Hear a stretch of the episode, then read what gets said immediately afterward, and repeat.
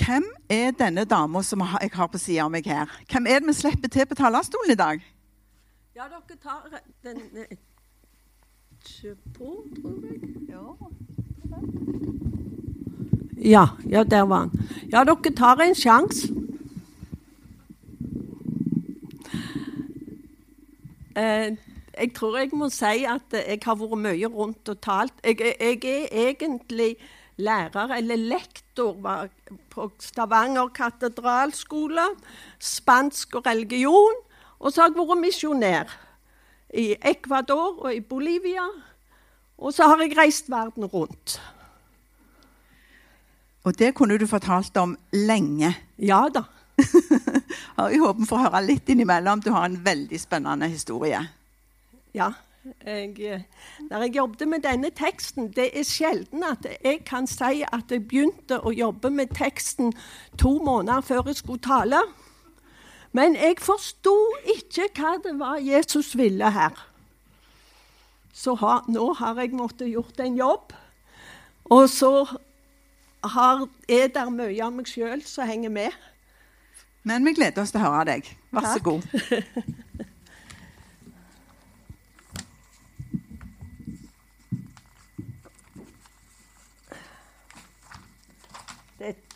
Jeg har sier at jeg er litt latiner.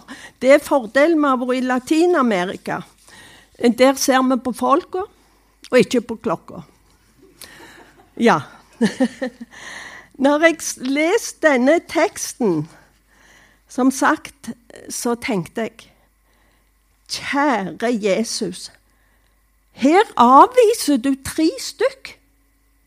Tre stykker avviste han. Og da måtte jeg stille meg det spørsmålet Hva var Jesus på vei til? Hva situasjon i Jesu liv er det vi her kommer inn?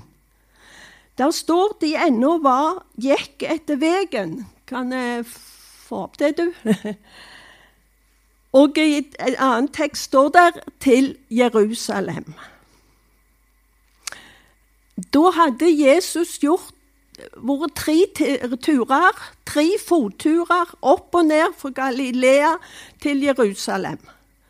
Og mye rimelig var dette en, den siste.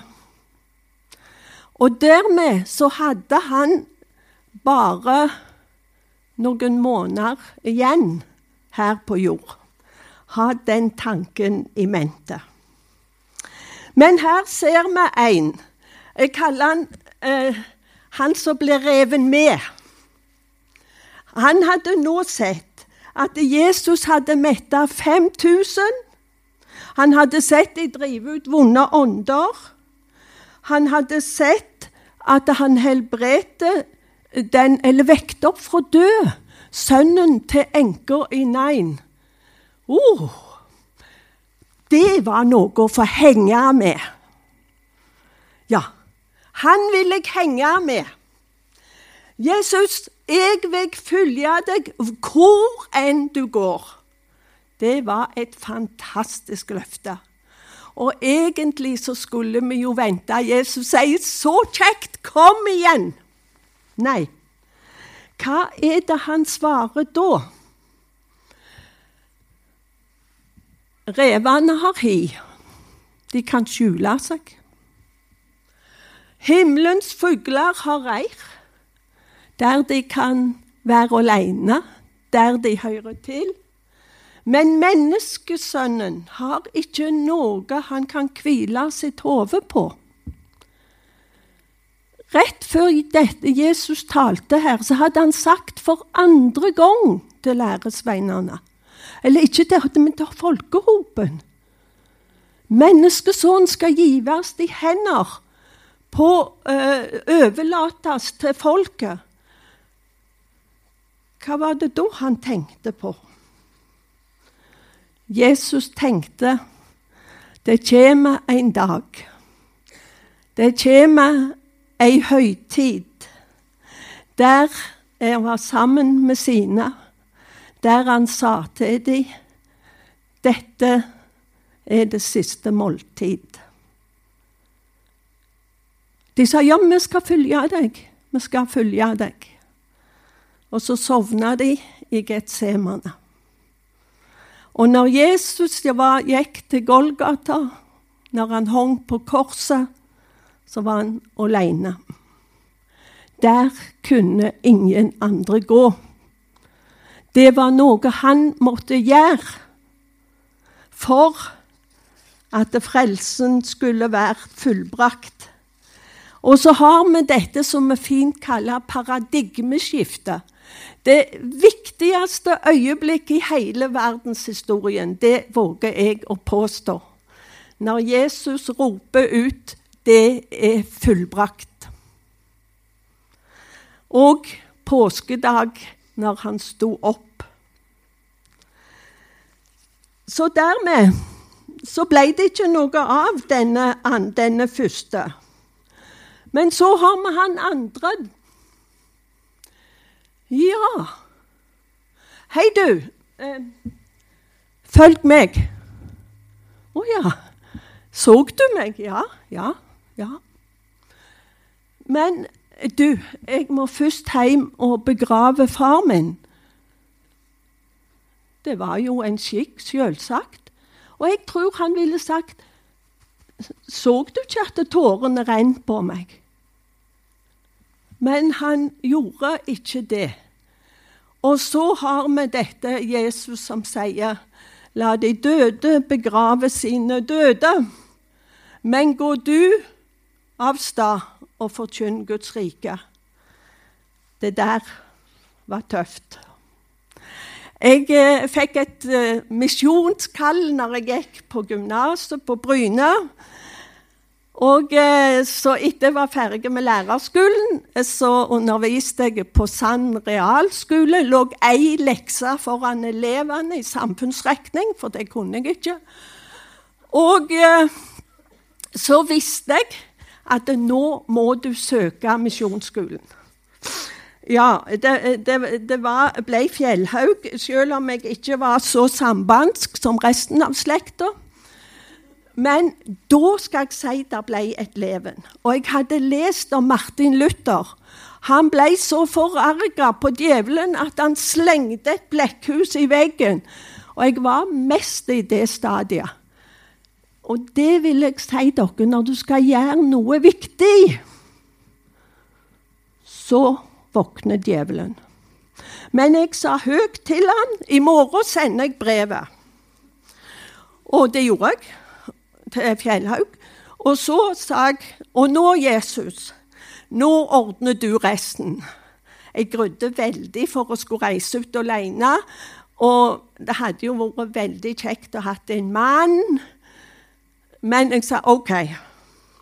Så reiste jeg hjem til den lille øya i Ryfylke som heter Helgøy. Noen tror vi er helgener, men vi er ikke det, altså. Og der til min store forandring så møter jeg eh, Ser jeg på en far. Og han var blitt så tynn. Og så tok han meg med bort i drivhuset, og så sa han Berit, jeg, eh, det er noe jeg må fortelle deg. Jeg tror jeg har fått kreft. Men jeg vil ikke du skal si det til en mor. Da ble det opprør. Jeg sa, 'Jesus, sånn er du ikke. Sånn er du ikke nå når jeg har tenkt å reise.' Og jeg forsto det ikke. Jeg reiste ut, jeg tror litt for tidlig, bare fem måneder etter far sin død. Men jeg, når jeg landa på Guayaquil, i verdens største slum, ti mord per natt Og der skulle jeg eh, som 25-åring eh, prøve å gjøre noe. Da forsto jeg litt.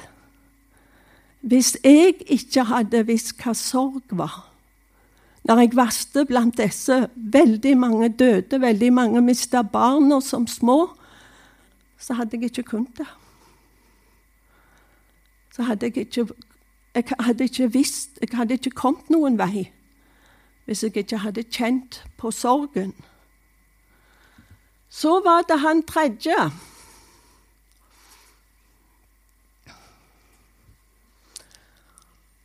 Så var det òg en annen. Jeg vil følge deg, Herre, men la meg først få si farvel til deg der hjemme. Ja vel, Jesus, du hadde en god sjanse. Men Jesus svarte, ingen som har lagt hånda på plogen og ser seg tilbake, er skikka for Guds rike. Hæ? For meg ble dette å si farvel til de hjemme en veldig spesiell opplevelse. Jeg hadde ikke sagt til far når jeg så han at jeg hadde søkt på misjonsskolen. Det venta jeg med til jeg hadde kommet inn. Det kunne jo være at jeg ikke kom inn. Og sånn. Men eh, så Da måtte jeg si det. Så jeg tok en kveld og sa til bestemor Hun eh, var den som overtok øya som mannen døde tidlig, og hadde fire unger. Og eh, skulle styre hele den lille øya, der en måtte ro til skolen og ikke hadde kai og alt dette her. Men så fortalte bestemor meg Du, Berit, når jeg var enke og var aleine, så fikk jeg et misjonskall. Men jeg kunne jo ikke reise. Og da ba jeg til Gud, kan du ikke gi dette kallet til mine barnebarn? Kjære deg, den eldste var jo 14 år.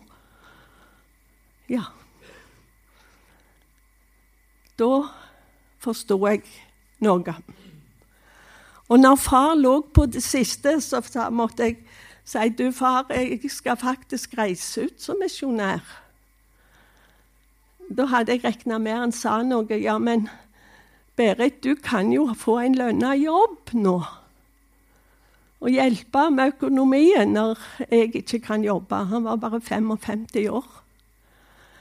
Men eh, da sa han Vet du hva, jeg må fortelle deg noe.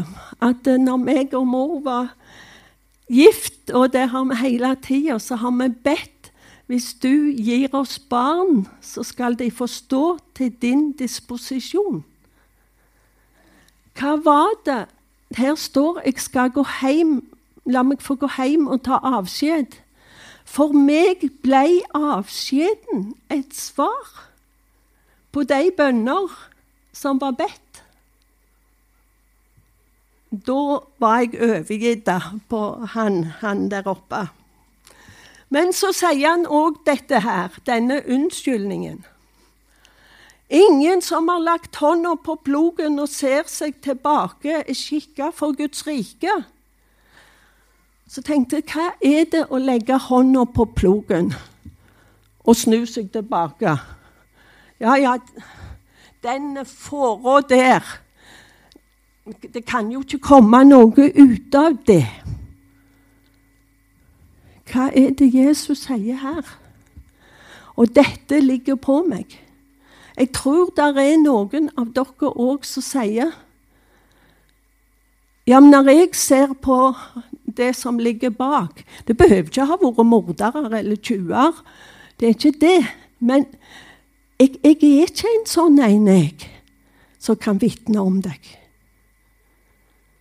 Vet dere hva? Og det er jeg blitt bedt om å si. Jesus tar det som ligger bak, du behøver ikke se på det. Du skal se framover. Og det skal skje noe med ditt liv.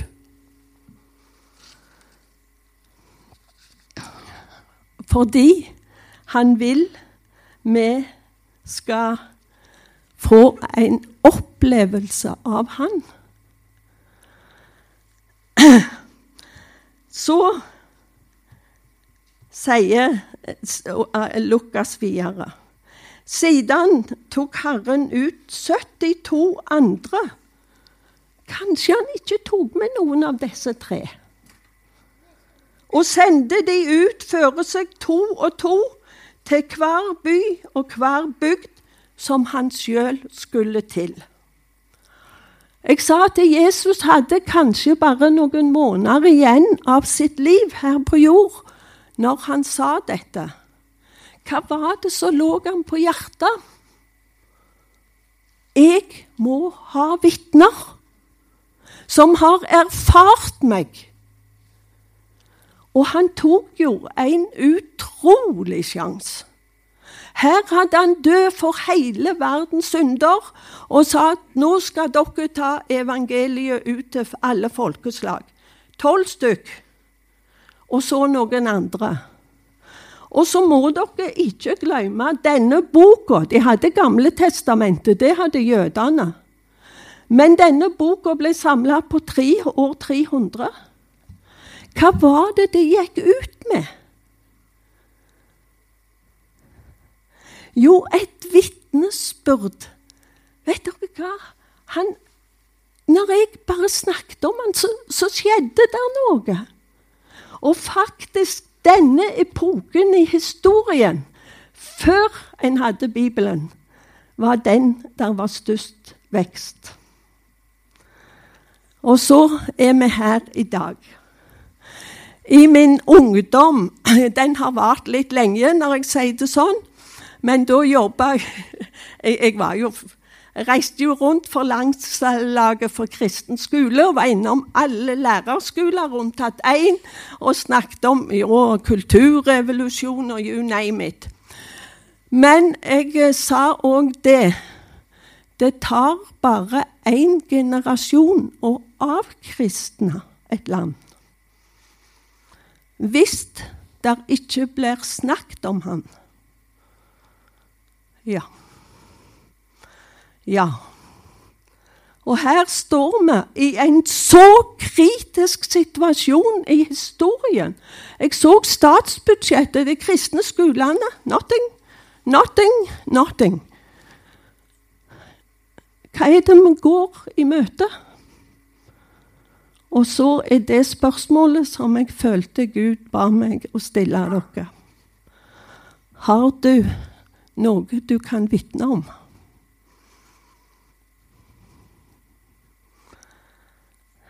Jeg er veldig opptatt av alle disse flotte kirkebygg og greier vi har. Vet dere hva? De er så lydisolerte at selv om folk utenfra la øra til veggen, så hørte de ingenting. Vi har lukka Jesus inne, og vi er forsamlinger. De går bare der der er kristne.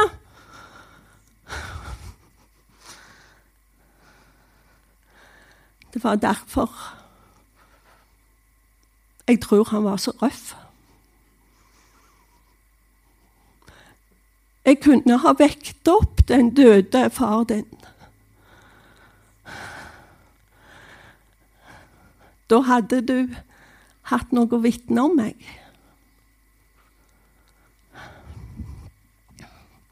Jeg spør dere i dag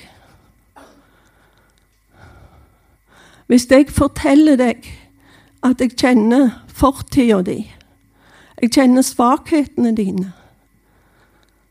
Og du sier fordi jeg ikke er perfekt, så kan jeg ikke. Kan jeg få lov til å bruke deg? På arbeidsplassen, i en samtale. Og jeg skal være med og lukke opp ørene til de som blir interessert og så skal du få lov til å plante rett inn. For nå trenger jeg vitnesbyrd. Kjære Jesus. Nå trenger jeg at dere taler. Og dere skal få erfaringer med meg. Det er jeg som har kalt dere. Det er jeg som vet hva som ligger bak når dere snur dere. Dere skal få lov til å fløye, pløye framover. Mine kjære barn.